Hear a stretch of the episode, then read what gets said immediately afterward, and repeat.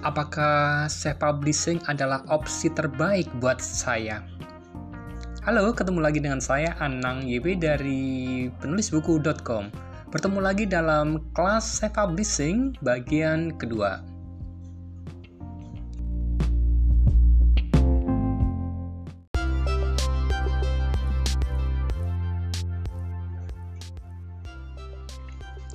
Halo, masih bersama saya Anang YB dari penulisbuku.com. Pada bagian kedua ini saya akan bicara sesuatu yang basic dulu, sesuatu yang uh, mendasar tentang pengertian dari self publishing, kemudian pro kontra yang menyertai self publishing dan juga sebuah pertimbangan apakah opsi self publishing ini adalah sesuatu yang tepat untuk naskah Anda. Namun sebelumnya perlu dipastikan bahwa saya tidak uh, tidak dalam rangka untuk mengajak Anda berpikir bahwa self publishing lebih baik daripada ketika Anda menggunakan jalur satunya yaitu menerbitkan naskah Anda di penerbit umum. Ada risiko-risiko yang mungkin muncul ketika Anda melakukan self publishing. Karena itu, apa yang saya sampaikan adalah untuk membagikan wawasan, membagikan pengalaman saya dan bukan untuk mendorong Anda untuk melakukan self publishing. Anda sendiri yang mempertimbangkan segala sesuatunya. Oke, sepakat ya? Jadi ada tiga jalur ketika Anda punya naskah dan ingin naskah itu terbit. Jalur yang paling biasa adalah Anda mengirimkan naskah itu, kemudian di Anda kirimkan ke penerbit umum. Di sana mereka akan menyeleksi naskah Anda dan urusan diterima atau tidak itu adalah urusan mereka. Anda dalam posisi untuk menunggu. Jalur yang kedua adalah Anda 100% mengendalikan naskah Anda. Anda anda kelola naskah Anda, Anda mencari penerbit, ya, Anda cari percetakan, kemudian Anda terbitkan, Anda jual, dan semua hasilnya Anda yang menikmati sendiri. Dan jalur yang ketiga adalah Anda bekerja sama dengan penerbit umum. Anda punya naskah, kemudian Anda kirimkan ke sana, kemudian menjalin komitmen, misalnya Anda sanggup untuk membeli seribu buku di penerbitan pertama, kemudian itu Anda beli dan mereka hampir pasti akan mau untuk menerbitkannya sepanjang naskah Anda adalah naskah yang tidak bertentangan dengan uh, peraturan atau perundang-undangan atau hukum di Indonesia. Sesimpel itu sebetulnya. Nah, opsi yang kedua tadi, di mana Anda menghandle, Anda mengelola, Anda punya kendali penuh atas naskah Anda ketika terbit, itu adalah self-publishing. Jadi saya ulang, Self-publishing adalah sebuah upaya dari Anda yang memiliki naskah sendiri untuk kemudian Anda Anda mungkin akan menata letak sendiri, kemudian mendesain sendiri covernya, kemudian Anda mencari percetakan ya Anda mencari percetakan kemudian Anda melakukan negosiasi dengan percetakan Anda cetak jumlah tertentu kemudian Anda melakukan praktek-praktek pemasaran dan penjualan ya. Anda bisa menjual di media sosial Anda bisa keliling dari satu toko buku ke toko buku yang lain kemudian Anda kelola juga pembayaran dari toko buku itu sampai buku Anda terjual dan Anda mengantongi keuntungan. Seperti itu self publishing ya ada salah kaprah yang sering kali uh, membingungkan orang.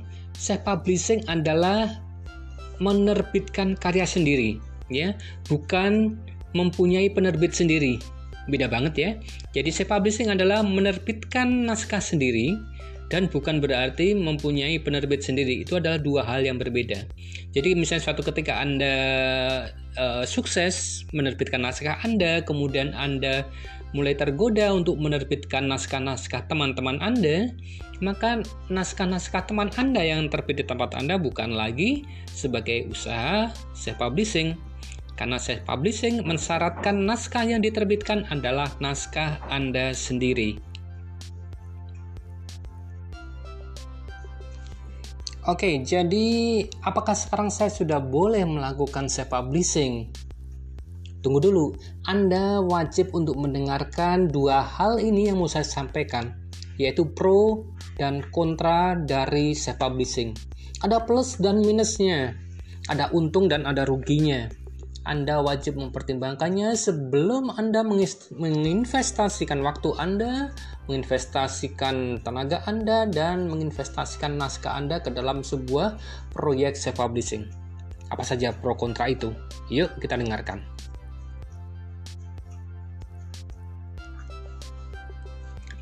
Pro dari self-publishing, ya, keuntungan atau kenikmatan ketika Anda melakukan sebuah self-publishing Pertama adalah Anda mempunyai kontrol kreatif atas naskah Anda sendiri. Banyak kejadian di mana naskah Anda, entah itu fiksi maupun non-fiksi, akhirnya harus mengalah ketika editor penerbit umum meminta Anda untuk merevisi, merombak, mengganti, mengurangi atas naskah yang sudah Anda buat. Di dalam self-publishing itu tidak ada kejadian. Anda bebas untuk mengontrol kreativitas Anda. Berikutnya adalah bahwa ketika Anda melakukan self-publishing, royalti Anda tinggi banget ya. Sebagai contoh ketika Anda menerbitkan satu buah novel dengan biaya sendiri, mungkin biaya cetaknya hanya sekitar 30.000 atau 40.000. Padahal buku itu ketika Anda lempar ke pasaran atau Anda Anda edarkan melalui media sosial misalnya Anda bisa menjualnya dua kali lipat dari ongkos cetak itu. Ya, Anda bisa menjual seharga 80.000 bahkan lebih. Survei kecil-kecilan yang saya buat di media sosial menyebutkan bahwa angka psikologis untuk sebuah harga buku adalah 80.000 ya. Jadi ketika Anda menjual naskah Anda menjadi sebuah buku seharga 80.000 itu sudah worth it banget ya. Padahal biaya cetaknya hanya berapa? Mungkin hanya sekitar 30 sampai 40.000. Tinggi banget. Bayangkan ketika Anda menerbitkan di penerbit umum, Anda hanya mendapatkan 10% dari harga jual buku itu masih dipotong pajak. Masih banyak keuntungan lain dari self-publishing. Salah satunya adalah Anda bebas untuk memilih tim Anda. Anda bisa mencari layouter, editor, atau desainer cover yang sesuai dengan jiwa Anda, sesuai dengan uh, selera Anda. Anda bisa bebas untuk menentukan itu.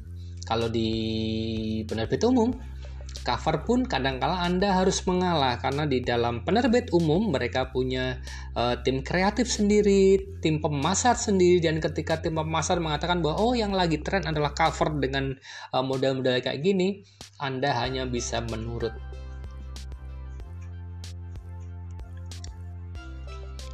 Lanjutnya, keuntungan berikutnya adalah tidak ada tenggat atau deadline yang terlalu ketat kalau Anda masukkan di penerbit umum, kemudian Anda diminta untuk merevisi, Anda mungkin hanya diberi waktu dua minggu, tiga minggu, atau mungkin maksimal satu bulan.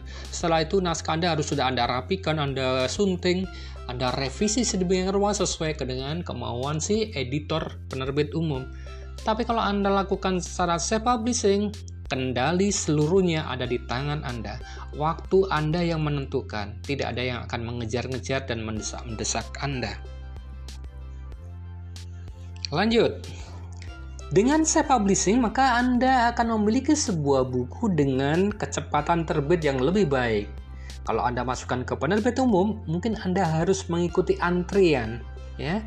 Baik itu antri ketika di review oleh mereka bisa beberapa bulan, juga antri ketika sudah masuk jadwal terbit. Anda mungkin harus menunggu sebulan, dua bulan setelah itu. Tapi kalau Anda lakukan self-publishing, Hari ini Anda nego-nego dengan percetakan bisa jadi dua minggu ke depan Anda sudah bisa memajang, bisa berfoto dengan dengan buku Anda itu, ya. Ada keasikan lain lagi, ya. Berikutnya adalah bahwa royalti Anda bisa Anda terima setiap hari. Artinya Anda hari ini jual, hari ini Anda dapat transferan, saat itu juga Anda menikmati duitnya. Bandingkan dengan ketika Anda masukkan naskah ke penerbit umum, royalti itu sering kali dibagikan per semester, ya mungkin itu Februari dan Agustus. Jadi kalau Anda menerbitkan buku pada bulan Maret misalnya, maka Anda harus menunggu duitnya sampai dengan bulan Agustus berikutnya. Ya, lama banget memang. Apalagi keuntungan dari self publishing? Sudah pasti tidak ada penolakan ya naskah Anda tidak bakal ditolak karena Anda sendirilah yang menjadi penerbitnya ya. Anda bebas membuat nos, uh, membuat naskah Anda menjadi sebuah buku. Maka uh, keuntungan yang terakhir adalah bahwa Anda bebas untuk menetapkan genre tulisan Anda. Kalau Anda seorang novelis jangan rakut jangan takut untuk ditolak naskah Anda karena genre Anda adalah genre yang aneh atau Anda membuat sebuah buku non fiksi anda mungkin akan mengalami penolakan ketika gagasan gagasan Anda bukanlah gagasan-gagasan yang uh, populer atau yang yang laku di di pasaran. Tapi ketika Anda lakukan sendiri penerbitan itu, maka Anda bebas untuk menentukan genre apa atas naskah Anda. Banyak banget ya keuntungannya. Eh tunggu dulu.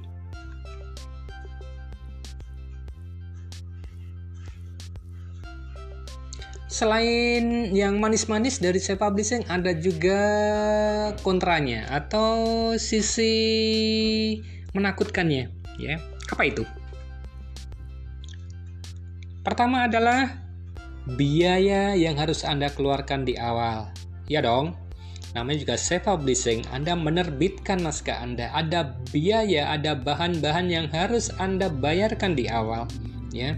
Ini uh, beda banget ketika anda masukkan naskah ke penerbit umum. Anda tinggal cemplung naskah anda akan mereka garap mereka punya desainer sendiri mereka punya uh, tim kreatif sendiri mereka akan mencetak sekian ribu atas biaya dan investasi penerbit umum itu. Tapi kalau anda sendiri yang melakukan berarti anda yang harus keluar duit. Seberapa banyak Oke, nanti saya punya tipsnya bagaimana Anda bisa melakukan self publishing dengan biaya seminim mungkin. Oke, jadi jangan tinggalkan kelas ini sampai dengan hari kelima ya. Berikutnya, apalagi kekurangan dari self publishing? Kedua adalah menemukan tim yang baik dan murah ya anda sudah punya naskah, tiba-tiba Anda merasa bahwa ah, kayaknya naskah ini harus ditangani oleh editor, minimal seorang copy editor deh biar ejaannya benar, tipe-tipe yang salah ditemukan, diganti dan menjadi rapi. Ternyata hitung punya hitung, biayanya di atas 1 juta untuk editingnya.